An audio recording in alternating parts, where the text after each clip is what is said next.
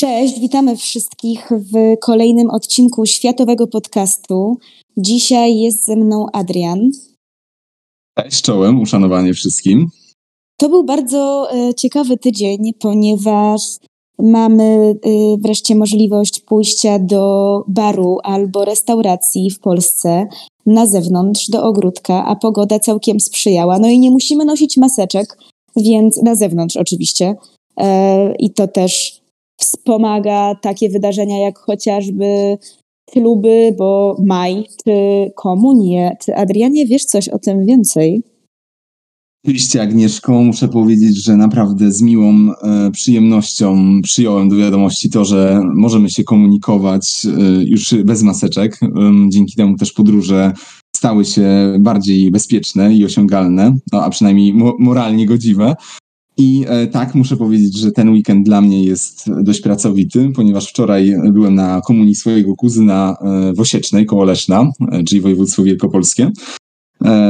Czyli bardzo pracowity, bo oczywiście też musiałem się przygotować do dzisiejszego odcinka Światowego Podcastu. No i mogę powiedzieć, że tuż po zakończeniu tego odcinka ruszam na kolejną komunię do kuzynki, na szczęście w Gdańsku, więc już aż tak nie tak daleko, jednakże jak można się domyśleć, zajmie mi to cały dzień, ale to komunie to zawsze czysta przyjemność spotkania rodziny, no i e, opowiedzenia sobie, co się działo w międzyczasie.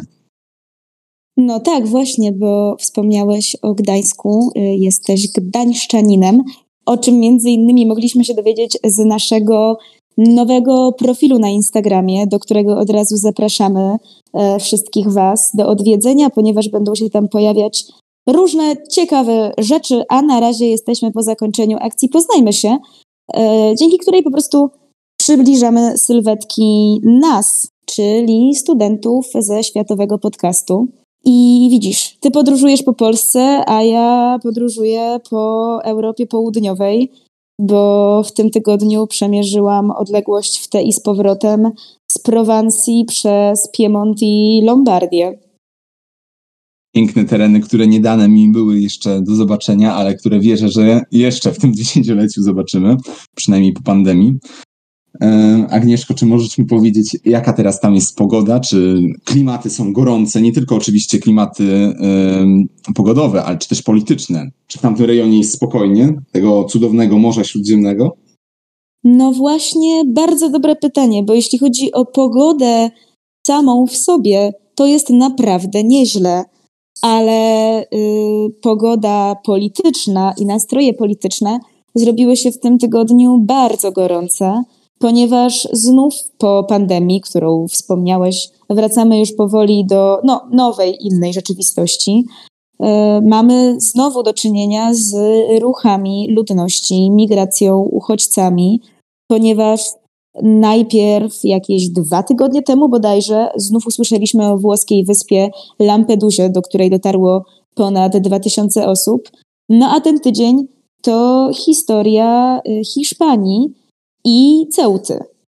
Czy zanim w ogóle przejdziemy do y, tych y, kwestii y, samych y, tego miasta, tego, tego miejsca, to chciałabym tylko zrobić takie rozróżnienie, ponieważ przygotowując się do dzisiejszego odcinka, zauważyłam, że zaczęło się gdzieś zacierać w takim dyskursie publicznym, zaczęły się zacierać pojęcia uchodźców i migrantów, co zdecydowanie nie powinno mieć miejsca, ponieważ ten pierwszy, czyli uchodźca, ucieka przed prześladowaniem, wojną, przemocą w swoim kraju, natomiast drugi jest obywatelem kraju, w którym nie toczy się w danym momencie aktywny konflikt zbrojny, więc nie można byłoby nadać takiej osobie tytułu osoby prześladowanej e, z kraju, który opuszcza.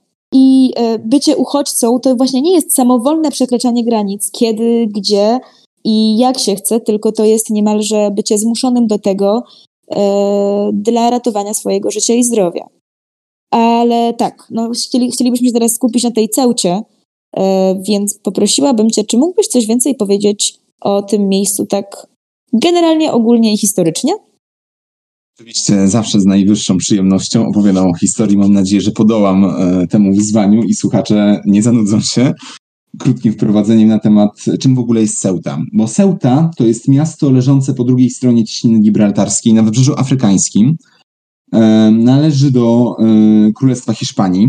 Jest to jedna z dwóch eksklaw mieszczących się po stronie afrykańskiej, należących do państwa europejskiego, bo oprócz Ceuty jeszcze ważnym miastem, chociaż dalej położonym od cieśniny gibraltarskiej z Melilla.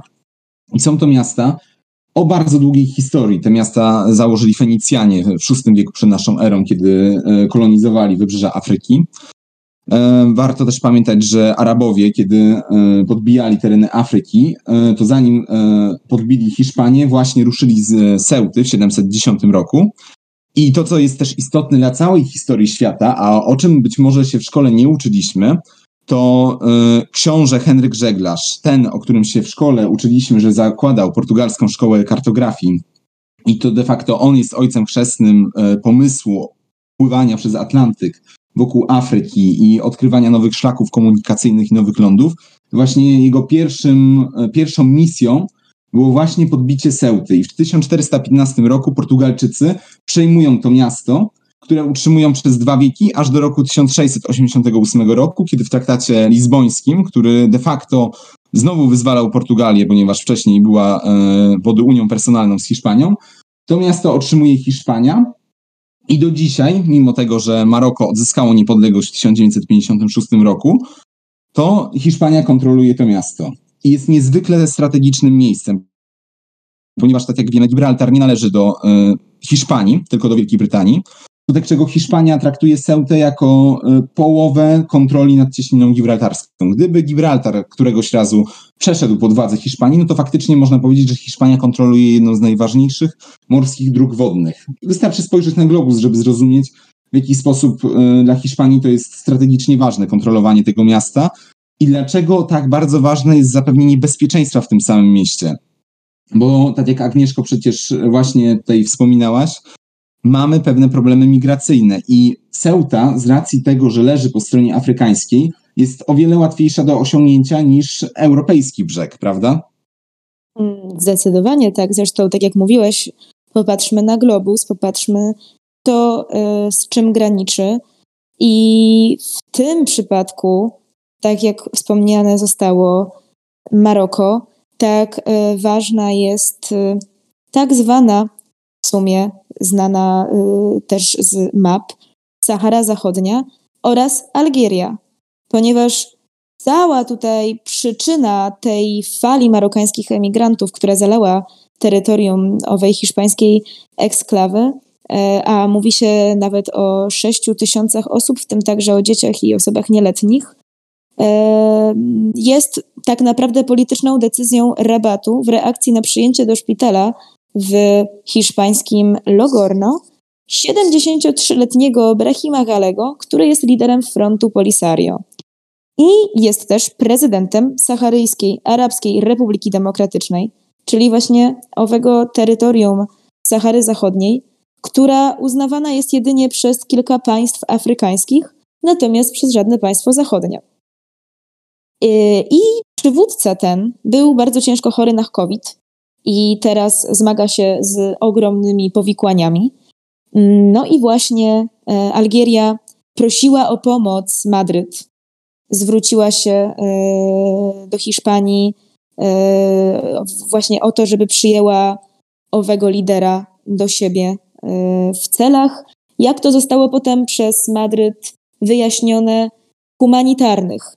Natomiast y, doskonale wiemy, że Algieria wspiera walkę frontu o niepodległość. Zresztą w y, mieście y, algierskim znajduje się tymczasowy rząd na uchodźstwie. Dokładnie jest to miasto Tinduf. E, no i tak jakoś ciężko uwierzyć w to, że jest to kwestia czysto humanitarna. E, dużo mówi się w Maroku e, o tym, że nie wierzy się w zapewnienia rządu Sancheza i postrzega się to jako zdecydowane kroki, e, które miałyby na celu podkreślenie tego, że Hiszpania nie zamierza uznać władzy Maroka nad Saharą Zachodnią. I na przykład taka ciekawostka, że Pablo Iglesias, który jako lider Podemos z hukiem pojawił się na scenie politycznej hiszpańskiej, domagał się referendum, które miałoby określić los tej jak już wspomniałeś, dawnej kolonii hiszpańskiej. Mm, no a Sanchez taki niejako złagodził tę swoją politykę i w sumie o tym nie mówi. Natomiast sama idea tego frontu Polisario jest też bardzo dużym problemem, ponieważ oni aktywnie działają do, e, do niepodległości. E, mieli liczne demonstracje, chociażby w Madrycie. E, znany jest z historii również Zielony Marsz, czyli pokojowa demonstracja, która była przeprowadzona w 1975 roku z inicjatywy marokańskiego rządu, który właśnie chciał przejąć kontrolę nad Saharą hiszpańską. Tak wtedy wówczas się nazywało. Więc te problemy tak naprawdę mm, są znane już od dawna. Już to, to, to trwa od momentu śmierci generała Franco.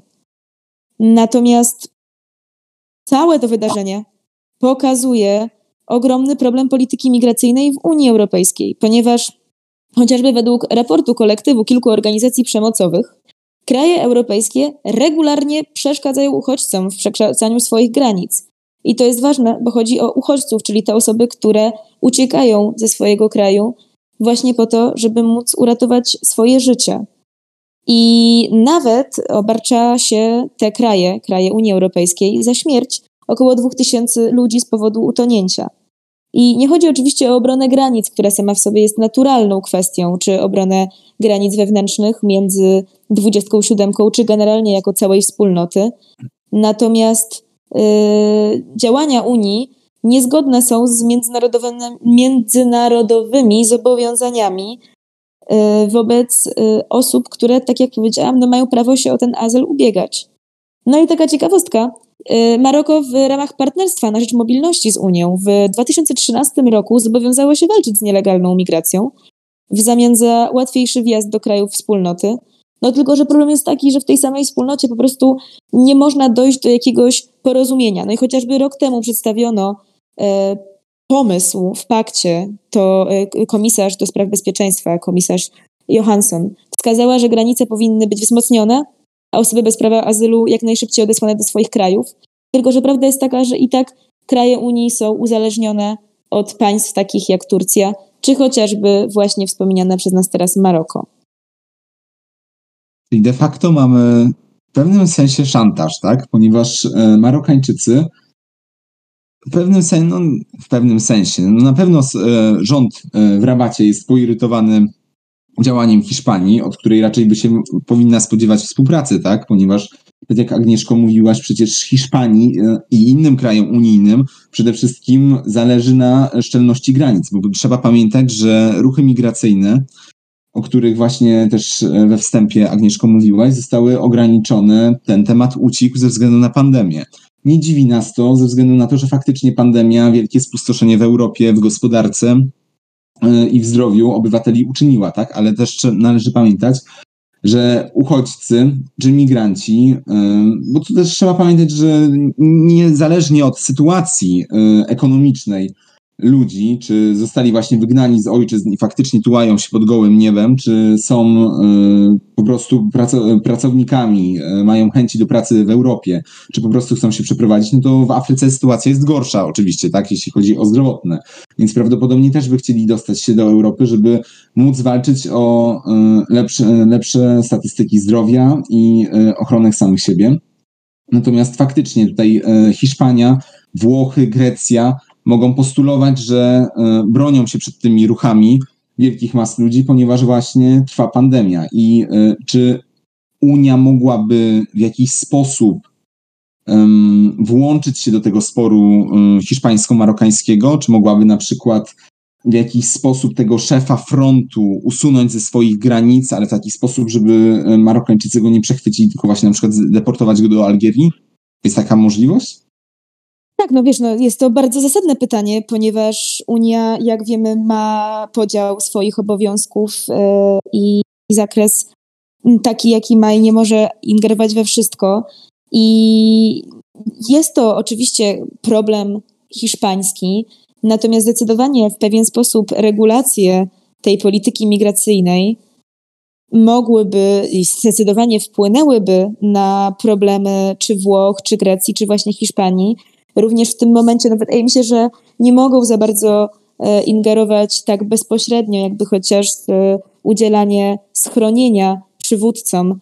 Natomiast e, nie można, nie, nie może też tego pozostawić w takim charakterze, ok, jestem indyferentna wobec tego zjawiska, będę stać obok i czekać, a ludzie będą dalej próbować się dostać, no bo no, nie oszukujmy się, tak? Ruchy y, migracyjne nie ustaną. Ruchy migracyjne będą narastać, problemy będą eskalować. Afryka się powiększa. Afrykańczycy pragną dostępu do Europy. Tak naprawdę te kraje południowe są tylko bramą. Mm, do, do Europy, do pójścia na północ. Tak jak wspominałeś, Adrianie, chodzi o, o ratowanie życia i zdrowia. Więc zaleczenie, powiedzmy, tego problemu w tym momencie de facto nie doprowadzi do niczego w przyszłości. To jest trochę tak, jak spotykają się, jak zwoływane są różne szczyty, na których prowadzone są debaty, natomiast żadne w sumie y, decyzje nie zostają podjęte. Czas naprawdę będzie, ja wiem, była pandemia, czy w sumie jest pandemia, trzeba było ustalić y, kwestie pomocowe, trzeba było y, ratyfikować kwestie finansowe. Natomiast w tym momencie wrócić należy zdecydowanie do działań wobec polityki migracyjnej. A w ogóle przypomniałeś mi jeszcze jedną rzecz. To jest strasznie ciekawe dla mnie, bo powiedziałeś o tej Hiszpanii i w Hiszpanii funkcjonuje takie zjawisko jak okupas, które tłumaczyć można jako skład. Czy ty coś o tym słyszałeś? Wydaje mi się, że czytałem e, w mediach polskich wyjaśnienie tej sytuacji, natomiast sam nie jestem pewien, czy e, taka rzecz mogłaby funkcjonować. Mianowicie bo oczywiście e, Hiszpanie irytują się tak, że ich integralność granic jest naruszana, ale musimy też pomyśleć o samych mieszkańcach Ceuty, których jest 84 e, tysiące. I Ceuta z racji tego, że jest ograniczona terytorialnie, no ma dość e, wrażliwą politykę, jeśli chodzi o mieszkania, jeśli chodzi o zagospodarowanie terenu. I właśnie według hiszpańskiego prawa, jeśli ktoś włamie się, zajmie nieruchomość zajmie e, pustostan i w ciągu 48 godzin nie zostanie usuniętym stamtąd, to e, do czasu wyroku sądu nie można takiej osoby eksmitować. Nie wiem, czy dokładnie tak to jest, ale skoro Agnieszko mówi, że istnieje nawet takie określenie, to widać faktycznie, że taka polityka e, mieszkaniowa, polityka lokalowa w Hiszpanii funkcjonuje. Skutek czego nie dziwię, skutek czego nie, nie dziwię się mieszkańcom Seuty, no i też siłą porządkowym, tak, bo e, przecież premier Sanchez zapowiedział wysłanie wojska e, dodatkowego do ochrony Seuty. E, zważając na to, że wojsko marokańskie samo wpuszcza też właśnie tych migrantów i to, że wojsko hiszpańskie musi zabezpieczać granice, a nie już pilnować porządku w mieście, no bo nie jest w stanie tego wszystkiego zrobić, to właśnie dochodzi do takiego procederu na terenie samego miasta, więc nie dziwię się, że tam nastroje są bardzo gorące i mieszkańcy tego miasta wydzielonego, no błagają Madryt o interwencję w tej sprawie. No tak, dokładnie. Tak jak powiedziałeś, to zjawisko funkcjonuje. E, zresztą ono eskalowało zdecydowanie w 2008 roku, gdy podczas kryzysu biednych czy bankrutujących po prostu nie było stać na utrzymanie domu. I jeszcze taka ciekawostka, że właściciel, jeżeli, tak jak powiedziałeś, nie zareaguje w przeciągu 48 godzin, to żeby odzyskać ten lokal, musi wejść na drogę sądową i do zakończenia procesu musi płacić za y, chociażby takie rzeczy jak gaz czy woda. Więc y, widać, y, jak działa polityka hiszpańska wobec tego problemu. No i jeżeli mówimy, mówiliśmy o kryzysie w 2008 roku, to teraz mamy kolejny kryzys, tak? No ale dobrze, bo rozmawiamy o bezpieczeństwie migracyjnym, tak? I przenieśliśmy się, w sumie mówiąc o Seucie, na tereny Europy, więc pozostańmy zatem tutaj, na naszym kontynencie i przenieśmy się do innego bezpieczeństwa, mianowicie bezpieczeństwa energetycznego, ponieważ dużo się tutaj dzieje i decyzja TSUE, jak napisała na Twitterze Polska Grupa Energetyczna, to droga do dzikiej transformacji energetycznej, a decyzja ta oznaczała przychylenie się do wniosku Czech i nakazanie Polsce natychmiastowego wstrzymania wydobycia w kopalni Turów do czasu merytorycznego rozstrzygnięcia kwestii. I zagadnienie to jest szerokie i zawiłe jak sama energetyka. I ja przyznam, że czytając o tym, zdecydowanie się pogubiłam. Czy ty, Adrianie, mógłbyś proszę wytłumaczyć mi, co się dzieje i o co chodzi z tą dziką transformacją? Oczywiście, muszę powiedzieć, że samo um, czytanie o statystykach produkcji kopalni jest bardzo ciekawe, ale nie wiem, czy słuchaczy y, konkretna ilość terawatogodzin czy megawatogodzin będzie interesowała. Natomiast sam koncept jest e, o tyle bardzo ciekawy, no, że dotyczy polskiej sprawy, tak? Tutaj mamy pojęcie transformacji energetycznej i postulowanej właśnie przez nasz obóz rządzący, obecnie Polską, dzika transformacja energetyczna, bo o co chodzi? Faktycznie kopalnia Turów to, e, przepraszam, elektrownia Turów jest bardzo istotną, ponieważ jest to e, czwarta co do wielkości węglowa elektrownia cieplna w Polsce.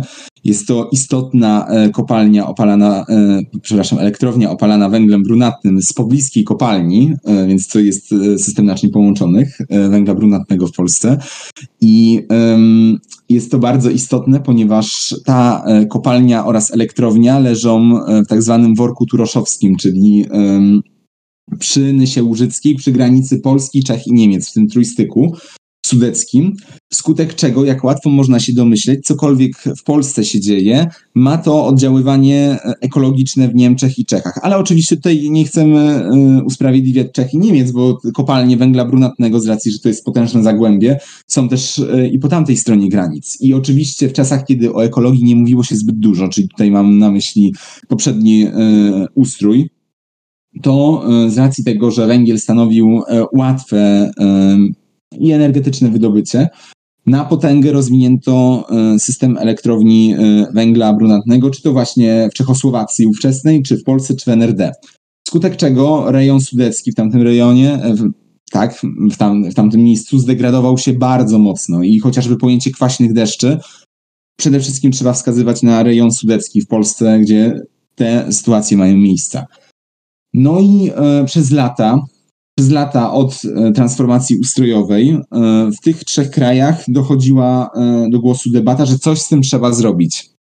I oczywiście teraz Unia ma też cele, żeby ograniczyć wydobycie węgla i ograniczenie spalania dwutlenku węgla do, do konkretnego roku.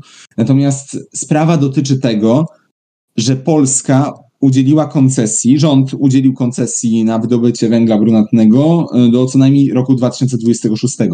I to Czechów zaczęło niepokoić z racji tego, że Czesi są e, o wiele bardziej zaawansowani w procesie wycofywania węgla, ponieważ u nich węgiel stanowi tylko 35% produkcji elektrycznej w kraju. Natomiast u nas, e, no nie oszukujmy się, 46% to węgiel kamienny, 24% to węgiel brunatny, tak? A jak wiemy, wydobycie węgla brunatnego jest e, o wiele bardziej zniekształcające dla e, okolicy, ponieważ węgiel kamienny wydobywa się z głębi ziemi, natomiast żeby dokopać się do węgla brunatnego należy rozkopać solidny te, e, solidną część terenu. I o co chodzi? Przedłużenie koncesji przez rząd polski elektrowni w Turowie wywołało dyskusję na temat rozbudowy tamtego bloku co jak widzimy, no nie jest wycofywaniem się z tego węgla, tylko jakby osadzeniem się na nim. I to dość nieroztropnym, skoro koncesja jest jeszcze tylko na 5 lat. Czesi bali się, że mogłoby to doprowadzić do kolejnych e, negatywnych transformacji e, środowiska i terenu po ich stronie granicy. I Czesi bardzo mocno postulowali to, wskazując na fakt, że zostaną zaburzone wody gruntowe i e, wybuchnie mały kryzys wodny przy granicy zwłaszcza władze rejonu libereckiego graniczącego z Polską, bardzo mocno naciskały na rząd w Pradze, żeby zaczął negocjować e, z Polską w sprawie ograniczenia rozbudowy albo przynajmniej odszkodowań.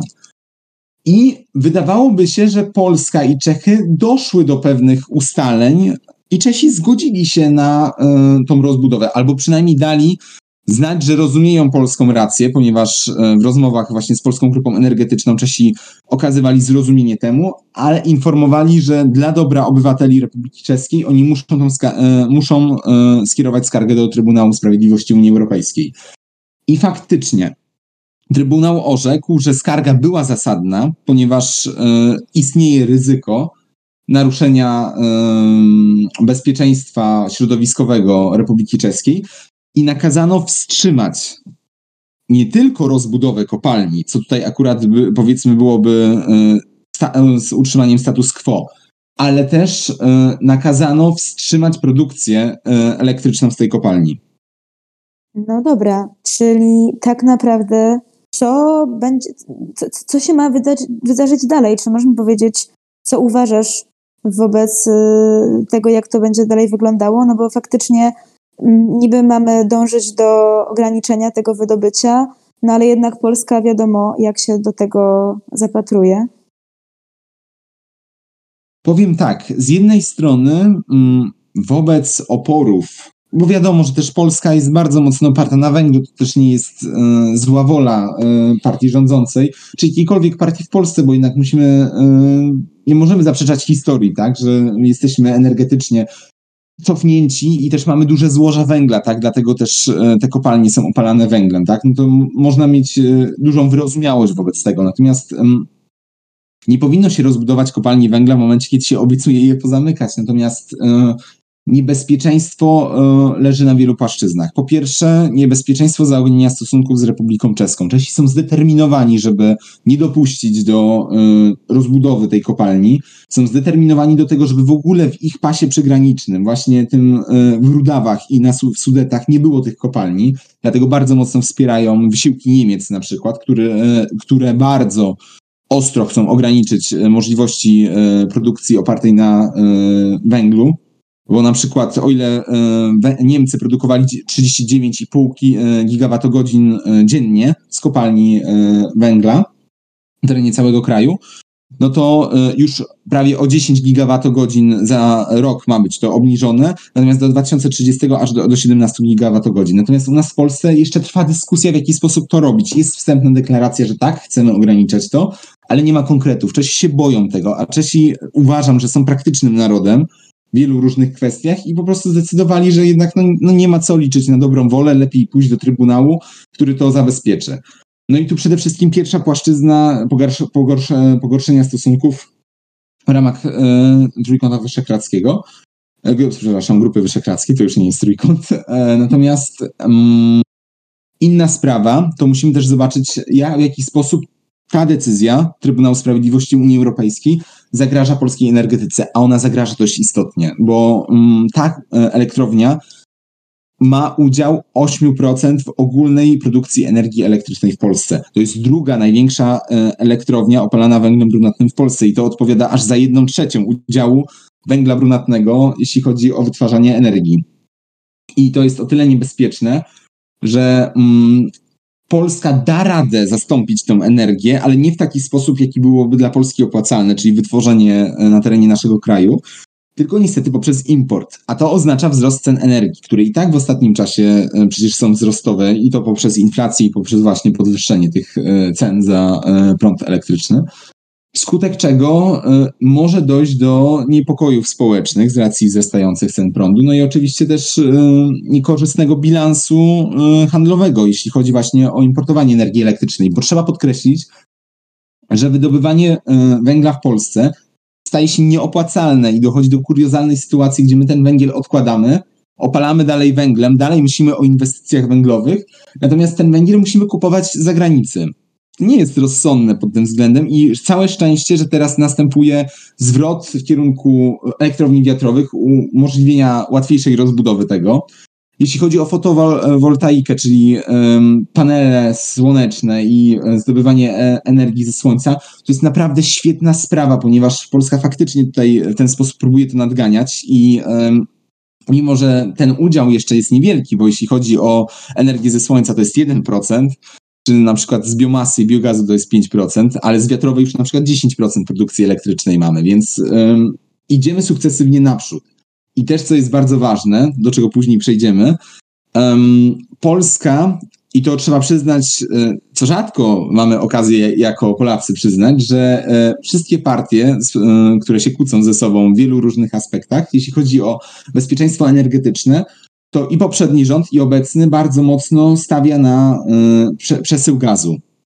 import gazu, czy to z Norwegii, czy z Ameryki, e, wobec czego rozbudowuje terminal w Świnoujściu i w Gdańsku. I e, tutaj, jeśli będziemy mogli przejść do Nord Streamu, to zauważymy, że zabezpieczamy się i od gazu rosyjskiego, i e, od tego, żebyśmy się tylko opierali na węglu. Oczywiście, jakby na węglu będziemy się opierać jeszcze przez kilkadziesięcioleci, myślę, w przeważającej mierze, chociaż ja bym osobiście życzył, żebym, e, żeby to w miarę jak najszybszym czasie zostało zmienione.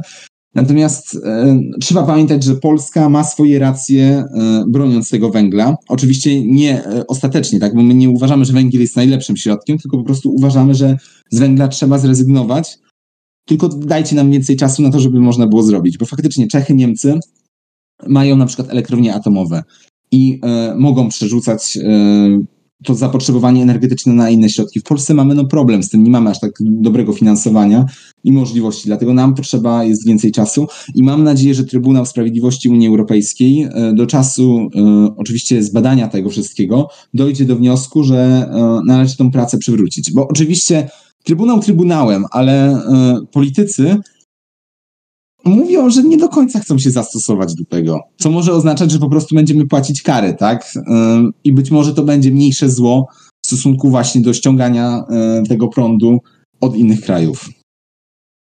Dokładnie. Wspomniałeś tutaj bardzo wiele aspektów, za co bardzo Ci dziękuję, bo tak jak na początku powiedzieliśmy, energetyka to kwestia szalenie E, złożona i trzeba naprawdę móc podejść do tego od różnych stron.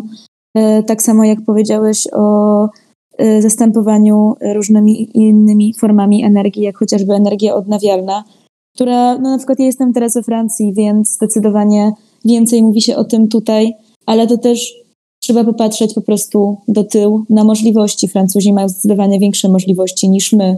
My jednak opieramy się na tym węglu, więc nie możemy tak od razu powiedzieć, dobrze, y, musimy całą tą naszą ideę poświęcić innej idei. Trzeba to do tego jakoś podejść z głową, dlatego też te wszystkie rozmowy trwają. No tak samo energia atomowa, chociażby Niemcy, znana sprawa, tak, no i Czechy. A co powiedziałeś o fotowoltaice w Polsce, to faktycznie była to bardzo e, duża, e, można nazwać to, co się stało e, boomem na fotowoltaikę, ponieważ nie wiem, czy wiesz, ale e, w 1 grudnia 2020 roku moc e, zainstalowana w fotowoltaikę e, w porównaniu z analogicznym miesiącem rok wcześniej, czyli 2019, odnotowała wzrost aż o prawie 200%, dokładnie 182%, więc zdecydowanie tutaj to w Polsce rośnie. Ale w ogóle to jest dyskusja na oddzielny odcinek, czy, czy w ogóle na całą serię. Natomiast, Adrianie, wspomniałeś już o y, Nord Streamie, o którym tym razem powiedzieć należy, bo w tym tygodniu również głośno było o tym. Głośno było mianowicie o decyzjach y, za oceanu, decyzjach administracji Bidena, która chociaż dwa miesiące temu Antony Blinken wspominał, że zaangażowanie Niemiec nie podoba się mu, zresztą rozmawiał bezpośrednio y, z niemieckimi e, politykami, ponieważ e, zaangażowanie to wystawia Ukrainę na rosyjskie manipulacje oraz e, nazwał cały projekt Nord Stream Mm, zagrożeniem, projektem wbrew europejskim celom bezpieczeństwa, a Radek Sikorski bodajże w kwietniu wzywał Stany do objęcia gazociągu sankcjami. No teraz mieliśmy bezpośrednią wreszcie odpowiedź od Bidena, prawda? Tak, w zasadzie doszło do takiej sytuacji, że nałożono sankcje na e, konkretne służby, spółki, niektóre statki rosyjskie, które właśnie e, pracują nad e, tym e, gazociągiem. No i trzeba przyznać, że Biden faktycznie często podkreślał, podkreśla i będzie podkreślać, że to jest zagrożenie dla bezpieczeństwa energetycznego.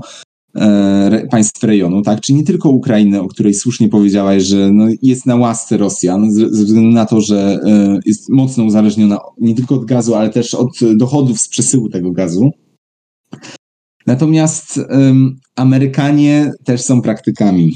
I jeśli chodzi o możliwości e, polepszenia sytuacji e, e, dyplomatycznej, relacji z Niemcami, to oni widzą, że Niemców mocno irytuje fakt, że Amerykanie wtrącają się do prawie zakończonego gazociągu, który jednak Niemcy dość mocno pompowali pieniądze, a um, opinie Niemców o tym gazociągu są równie podzielone co powiedzmy u nas sytuacja w Polsce, jeśli chodzi o, e, o zgadzanie się przy stole, przy obiedzie na tematy polityczne i nie tylko. Natomiast um, Niemcy no nie wycofają się z tego. One już wolą znieść tą krytykę, ale dobudować do końca. Rosja oczywiście widzi w tym oczywisty interes i możliwości szantażu państw Europy Środkowo-Wschodniej, natomiast Polska razem z innymi krajami naszego rejonu będzie e, bardzo mocno e, optować przeciw tak, budowie tego gazociągu. I tak jak właśnie tutaj wspominałaś Agnieszko, e, Radosław Sikorski, bardzo znany przecież jeśli chodzi o politykę, o znajomość polityki amerykańskiej, dość mocno naciskał, apelował, żeby Amerykanie coś z tym zrobili. No i tutaj dojdzie do kuriozalnej sytuacji, gdzie oficjalnie Ameryka będzie potępiać ten proceder, no ale nie wyciągnie żadnych konsekwencji. Przynajmniej tak mi się wydaje, że koniec końców do tego dojdzie, chyba że zaszłyby jakieś gwałtowne przeobrażenia w polityce międzynarodowej albo doszłoby do jakiegoś kryzysu, który dałby Ameryce atut do tego, żeby naciskać na Niemcy, bo mm, widząc, że e, ocieplanie relacji z Niemcami po dość krytycznym stosunku poprzedniego prezydenta Donalda Trumpa do e, administracji e, rządu Merkel, to Amerykanie, e, e, amerykańscy demokraci widzą, że być może warto oficjalnie mówić, że gazociąg jest zły, ale nieoficjalnie dać już to zielone światło, żeby dobudować, właśnie e, poświęcając ten gazociąg na ołtarzu lepszych relacji z Niemcami. No niestety to w nas godzi, no ale w polityce liczy się pragmatyzm przede wszystkim, więc nie wiadomo w jaki sposób to będzie. Na szczęście, tak jak już wcześniej mówiliśmy, Polska jest już przygotowana na potencjalny szantaż Rosji właśnie poprzez zdywersyfikowanie możliwości zdobywania e, gazu. Tutaj chodzi właśnie przede wszystkim o Norwegię, gaz z Danii, gaz e, transportowany skroplonie, nawet w postaci skroplonej z Zjednoczonych Emiratów Arabskich czy z Ameryki. Zagrożeniem Nord Stream jest przede wszystkim dla bezpieczeństwa żeglugi, bo to chodzi o to, że spłyca się podejście do portów, czy to w Szczecinie, czy w Świnoujściu no i Rosji to nie za wiele obchodzi, tak? Bo trzeba przyznać, że Rosja jednak podchodzi do tego e, z pozycji siły, prawda? Jeśli. No taka jest polityka rosyjska po prostu. Jeśli widzi, widzi się, że można naciskać, Rosjanie to będą robić. No, to to jest takie najbardziej pragmatyczne podejście, tak? I Rosjanie są akurat w tym mistrzami. E, możemy się cieszyć, że jesteśmy w o wiele lepszej sytuacji niż 10-15 lat temu, że wtedy to byłaby dla nas katastrofa i e, tragedia narodowa. Natomiast teraz to jest dla nas duża niedogodność i e, pogorszenie sytuacji, ale nie na tyle, żeby można powiedzieć, że Polski nie będzie po skończeniu tego gazociągu. To jest po prostu niemiłe doświadczenie, że jednak interesy są interesami, ale z tym trzeba się liczyć zawsze i wszędzie, że na takie, na takie wydarzenia trzeba być przygotowanym. E, w ogóle ja polecam prześledzić sobie nagłówki w mediach e, dotyczące tej kwestii z dosłownie ostatniego miesiąca, ponieważ są to e, nagłówki od tego, że administracja Bidena chce odstąpić, zdecydowanie nie dopuści do ukończenia budowy Nord Stream, do pytań, a może tak, a może nie, a w sumie to nieistotne. A kończy się również y, takim nagłówkiem jak niezwykłe zwycięstwo Putina więc obserwować tę sytuację będziemy na pewno dalej. Mm, dobrze, dobre, tak jak powiedziałeś dokładnie, Adrianie, jest to, że już Polska jest gotowa na to. Zresztą hasło dywersyfikacja wydaje mi się, że powinno być taką rzeczą, która jest y, obecna w świadomości każdego kraju czy każdego człowieka, bo jest to również dywersyfikacja ryzyka chociażby finansowa. No i dla mnie to jest też ciekawe, ponieważ Biden buduje e, taki obraz bycia bardzo zdecydowanym wobec Chin w szczególności, wobec Rosji całkiem też. No a tutaj mamy taką decyzję, um, a nie inną.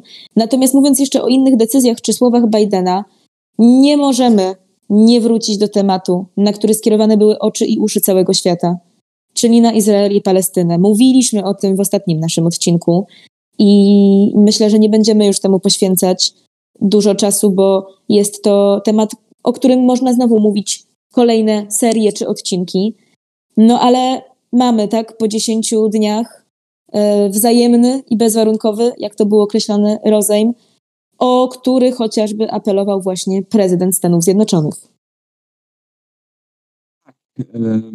To jest w ogóle niebywałe, że tak jak zobaczymy, mamy dwie strony walczące, Palestynę i Izrael, i że przede wszystkim Amerykę bardzo interesuje ustabilizowanie e, sytuacji w rejonie, bo mimo wszystko Izrael jest cennym partnerem, cennym sprzymierzeńcem dla Stanów Zjednoczonych w tym rejonie. No i y, zastanawiając się nad tym, dlaczego posłuchały się te strony, dlaczego doszło do uspokojenia sytuacji, trzeba z, spojrzeć na to z tej perspektywy, że komuś ten konflikt był na rękę. I ja myślę, że też patrząc na ten konflikt, nie możemy patrzeć y, tylko z jednej albo z drugiej strony.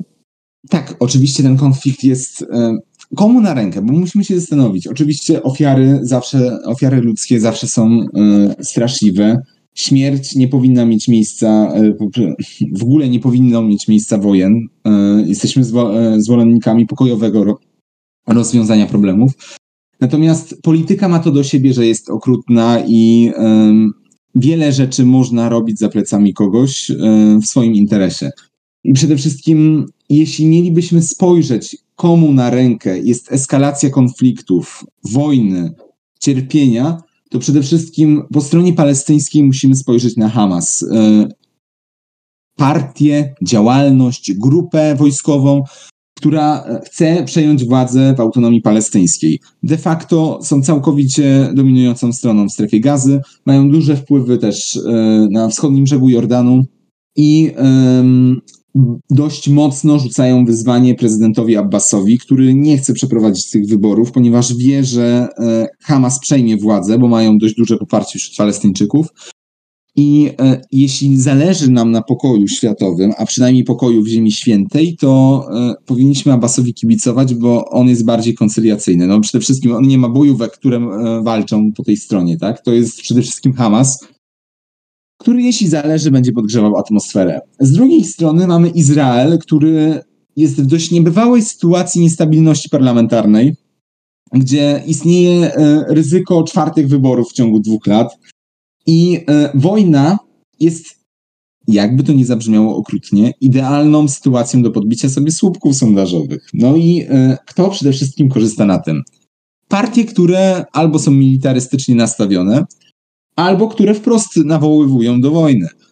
I oczywiście można znaleźć takie ugrupowania na scenie izraelskiej, natomiast obecny premier Netanyahu, z racji tego, że wobec niego panuje etos takiego bojownika o sprawie Izraela, należy pamiętać, że jego brat był komandosem, który zginął w dość sławnej misji uwolnienia izraelskich e, pasażerów samolotu bodajże w Ugandzie, o ile dobrze pamiętam. E, I ogólnie Netanyahu jest uznawany za takiego walecznego męża opatrznościowego państwa Izrael, to właśnie przede wszystkim na jego konto może iść e, przedłużanie tego konfliktu. Oczywiście e, ofiary są po obu stronach. To nie tak, że Izrael jako e, zgrane państwo, silnie zorganizowane, nie ponosi ofiar. Oczywiście, tak jak mówiliśmy w poprzednim odcinku, rakiety spadają w Izrael, też giną ludzie, no ale koszt ludzki wydaje się im mniejszy niż koszty polityczne. No, Strasznie to brzmi, natomiast taka jest polityka, taka była i taka będzie. No tak, zdecydowanie. Wspominając y, o Bibim, trzeba pamiętać, jak robi swoją politykę i jak doszedł do tego, do czego doszedł. A faktycznie myślisz, że dojdą, dojdzie do kolejnych wyborach, wyborów? Myślę, że jest duże ryzyko, ponieważ Kneset, który liczy 120 osób, nie ma partii liczącej powyżej 30 kilka miejsc, więc jeśli zobaczymy i zważając na to, że w Izraelu jest bodajże 3% próg wyborczy, e, to też jest ukłon w, e, e, ukłon w stronę partii, które mm, mają albo religijne, ortodoksyjne podłoże, albo po prostu mm, dla różnych poglądów socjalizmu, żeby było miejsce widzimy, że e, te 12 partii, które jest w Knesecie, no trudno jest doprecyzować im e, warunki koalicyjne, no bo trzeba pamiętać, że e, religia judaistyczna jest wymogiem posiadania obywatelstwa Izraela. I w judaizmie jest tyle różnych odłamów, tyle różnych koncepcji i to ma miejsce także w Knesecie, bo każda partia reprezentuje jakiś jakąś e, gałąź judaizmu. Oczywiście mówimy o partiach religijnych, partie sekularystyczne raczej skupiają e, wszystkich Żydów, oprócz tych najbardziej ortodoksyjnych, bo są tacy na przykład ortodoksi, którzy uważają, że dzisiejszy Izrael to nie jest Izrael Boży, tak? To jest państwo sztuczne. Więc e, partie konserwatywne, a tu trzeba pamiętać, że Netanyahu stoi na czele największej partii konserwatywnej, muszą układać się e, także z tymi e, radykałami, a także powiedzmy ortodoksami. No, oni są też pokojowo nastawieni, ale to też chodzi przede wszystkim o też zmiany obyczajowe, tak?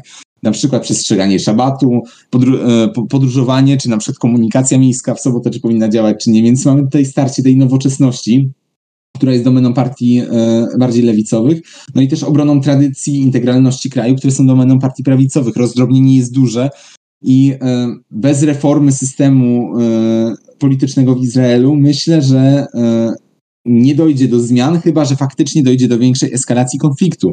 No ale na przykład mamy, y, oprócz tego, że w Palestynie i w Izraelu y, trwają teraz walki, no, nie jako wojna domowa, bo tak jak mówiliśmy w poprzednim odcinku, w niektórych miastach, jak na przykład w lot, y, nawalają się na ulicach, to przecież Izrael ostatnie lata to jest pasmo sukcesów stabilizujących pokój, tak? Nawiązanie stosunków dyplomatycznych z kilkoma krajami, uznanie przez największe mocarstwo póki co świata, Amerykę, stolicę w Jerozolimie, no to też jest przecież stabilizacja, tak? Więc no zobaczymy. Myślę, że faktycznie może dojść do czwartych wyborów parlamentarnych, ale tutaj jest postawa Netanyahu. Czy w którymś momencie stwierdzi, że dobrze jest gotowy ponieść ewentualną odpowiedzialność karną, bo o to się rozchodzi, tak, że Netanyahu nie jest w stanie uformować rządu koalicyjnych, bo przecież sam ma oskarżenia, są, oskar- e, są e, postępowanie, być może prowadzone wobec niego, no ale wobec premiera faktycznie jest trudniej e, takie postępowanie przeprowadzić skutecznie, wobec czego jeśli Netanyahu sam by zrezygnował, sytuacja by się ustabilizowała. No ale tak jak mówiliśmy, on jest zagrożony bezpośrednio, więc wszystko to, co może mu to pomóc, będzie przez niego podnoszone. Czyli konflikt teoretycznie mu pomaga. Dokładnie tak. Dokładnie tak jak powiedziałeś. Czyli co? Dalej będziemy obserwować, co się dzieje zarówno w tym konflikcie, jak i w samym Izraelu, w którą stronę pójdzie Netanyahu, w którą stronę pójdzie cały Kneset. E, podsumowując, tylko tak powiem, że od 10 maja zginęło 232 Palestyńczyków, a ponad 1700 osób zostało rannych. Natomiast y, po stronie izraelskiej zginęło 12 osób, a do zawieszenia broni doszło w nocy bodajże o godzinie pierwszej czasu polskiego, jeśli się nie mylę. Pewnie są też dobre informacje na koniec tego podcastu, żeby nie było tak smutno, prawda, Agnieszko? Mm, tak, jest. Oczywiście, że są dobre informacje.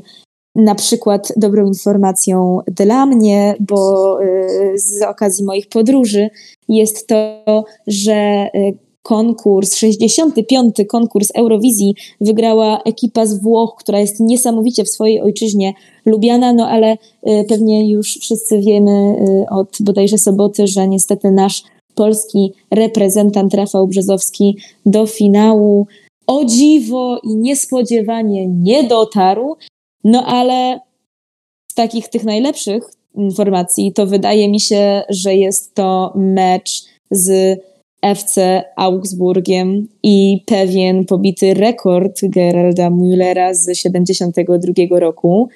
Adrianie? No cóż, jak wiadomo, oczywiście ze strony instagramowej Światowego Podcastu, na którą serdecznie Was jeszcze raz zapraszamy. Przede wszystkim jestem panem żużla, jeśli chodzi o sport. Natomiast faktycznie w serduszku robi się naprawdę bardzo ciepło, e, myśląc, że nasz Polak, Robert Lewandowski, najbardziej znany sportowiec świata, no i obecnie też myślę, że jeden chyba z najbardziej znanych Polaków, e, pobił taki rekord. Ustanowił tą 41. bramkę w ciągu jednego sezonu Bundesligi. No to jest rzecz naprawdę e, chwytająca za serce. Zwłaszcza nawet jeśli spojrzymy na komentarze e, osobistości ze świata polityki polskiej, tak? Jak wiele osób nagle chciałoby Roberta przytulić i mm, przywłaszczyć sobie jego sukces, prawda? To świadczy o tym, że faktycznie Robert jest naszym skarbem narodowym i e, jego imię nie powinno zostać zapomniane. Jestem ciekaw, czy kiedyś zostanie szefem PZPN. To dla mnie jest bardzo ciekawe, w jaki sposób e, by prowadził.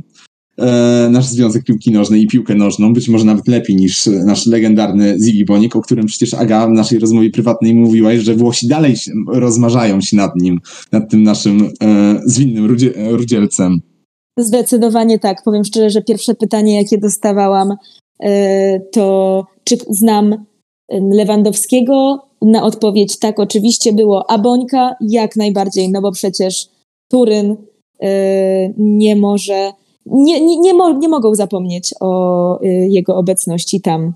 Ale wiesz co, jeszcze tak na koniec tylko, to ja bym życzyła, w sumie chyba w ogóle życzylibyśmy wszystkim takiego szczęścia i takiego e, takich możliwości, ponieważ warto powiedzieć, że ta bramka padła w 89 minucie tego meczu, a przecież Lewandowski ominął na początku e, pięć spotkań pod rząd z powodu kontuzji, więc pomimo średniego stanu tak naprawdę dokonał no, historycznego wydarzenia.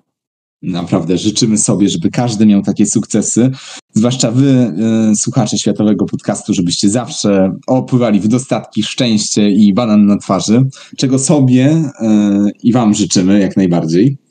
Tak jest. No więc co? Zapraszamy was do słuchania na wszystkich kanałach, na których jesteśmy, do śledzenia naszego wspaniałego nowego Instagrama. Życzymy wam dobrego tygodnia i Słyszymy się za tydzień, mam nadzieję. Oczywiście, chociaż w innym składzie. A dzisiaj dla Was mówili Agnieszka Homańska i Adrian. Bardzo Ci dziękuję za dzisiejszy odcinek.